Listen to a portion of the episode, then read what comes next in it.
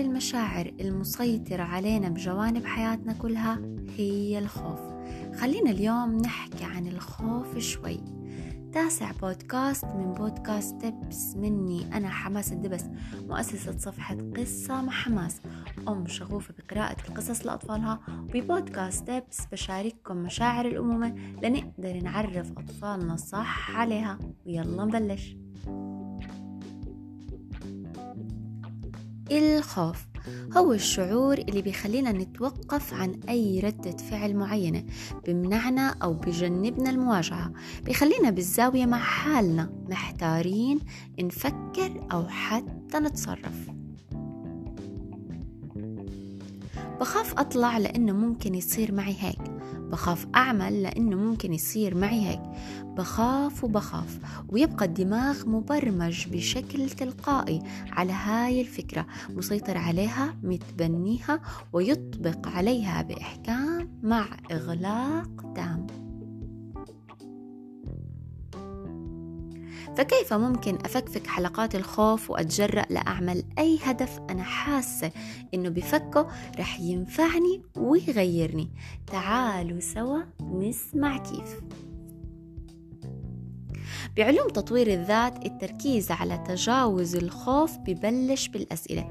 لازم أعرف شعوري أحدده أثق إنه هو هذا الشعور وهاد هو مسمى الخوف. النقطة الثانية لازم أسأل حالي ليش أنا بخاف؟ لنفرض إني بخاف من العتمة فأنا حددت الشعور والسبب. هلأ ننطلق للمواجهة. أكيد إنه المواجهة أبدا مش سهلة فكيف بدي أخلي دماغي يتقبل شغلة مغلقة على الكامل؟ تذكري دايما إنه مجرد إنك حركتي فكرة المواجهة ولو لشغلة واحدة فهاي خطوة للأمام تحسب لك عند الدماغ. صحيح هو الآمر الناهي بس أكيد عندك قدرة تسيطري وتتحكمي لأنه في مجال للتصحيح والطرح المضبوط وهلأ نحكي عن علاج مقترح للتجربة. بعد ما حددت الشغلة اللي بتخافي منها اسألي حالك شو أصعب أو أسوأ شيء ممكن يصير معك بسببها. ونقول طلع براسك إنه ممكن يصير معي 1 2 3 وكلها شغلات صعبة ومستعصية. هون لما سألتي حالك هذا السؤال دماغك عطول أخذ إشارة للقبول والقبول هيك انفكت أول عقدة وبلش يفكر ويحلل ويتخيل. قدرة التفاعل بدماغ لأي شيء بتطرحيه رهيبة وردة فعل دماغك لتفكيرك أيضا رهيبة. طيب وصار أسوأ شيء شو الأثر أو الضرر الوارد؟ لازم تفكري بهذا الشيء. هون بيبدأ دماغي يحلل ردة الفعل ويمتصها وكأن الخوف هو سلسلة جنزير بس انفكت منها أول عقدة باقي الشغلات رح تتفكك تدريجيا. اللي بيصير بعد هيك هو الخطوة الأصعب. أنا دماغي فهم وحلل بس كيف أتجرأ؟ خليني أحكي لك شغلة.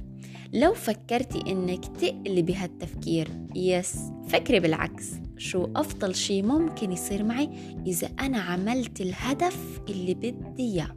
واسمحي لي أحكي لك هون إنه لا توقفي تفكري. فكري بكل الشغلات الحلوة وتخيليها كأنها صارت وافرحي فعليا كأنها صارت. الدماغ بلش ياخد مشاعر ومنطق. فمثلا أنا بلشت أحس بنجاح عطاء فخر سعادة حماس. نعود لوقت مثلا ممكن يمر فيه قلق ارتباك مصاعب ممكن مشاق تعب حزن. ولكن الإيجابية بالمشاعر بتطغى وبتخليك تكملي. فكري يا صديقتي بكل الأحلام اللي كان سبب من أسباب كتمانها بحياتك هو الخوف. أعطي إشارة مرة واحدة لدماغك بقبول أفكار جديدة بسهولة ويسر. ولأكون معك واقعية بعرف رح تحكي. الخوف صعب وفي شغلات مستحيل ما أخاف منها لأنه إلها أثر علي أو مثلا مواقف أو بسبب طفولة. بس جربي تتعرفي على مشاعرك وتواجهيها عشان أطفالك. ولو كان شعور خوف واحد والأيام وسنين كفيلة بفك البقية. وحتى لو ما انفكت البقية بكفيك المحاولة عشان تقدري تربي طفل سوي بيقدر يواجه مشاعره يحكي عنها بدون ما يخاف. تكون غلط أو تغطيتها جنبه الخارج الصعب. وتذكري زي كل يوم إنك أعظم أم بالعالم. هاي كانت تاسع بودكاست إلك من دبس وبتمنى لك اليوم كل الحب.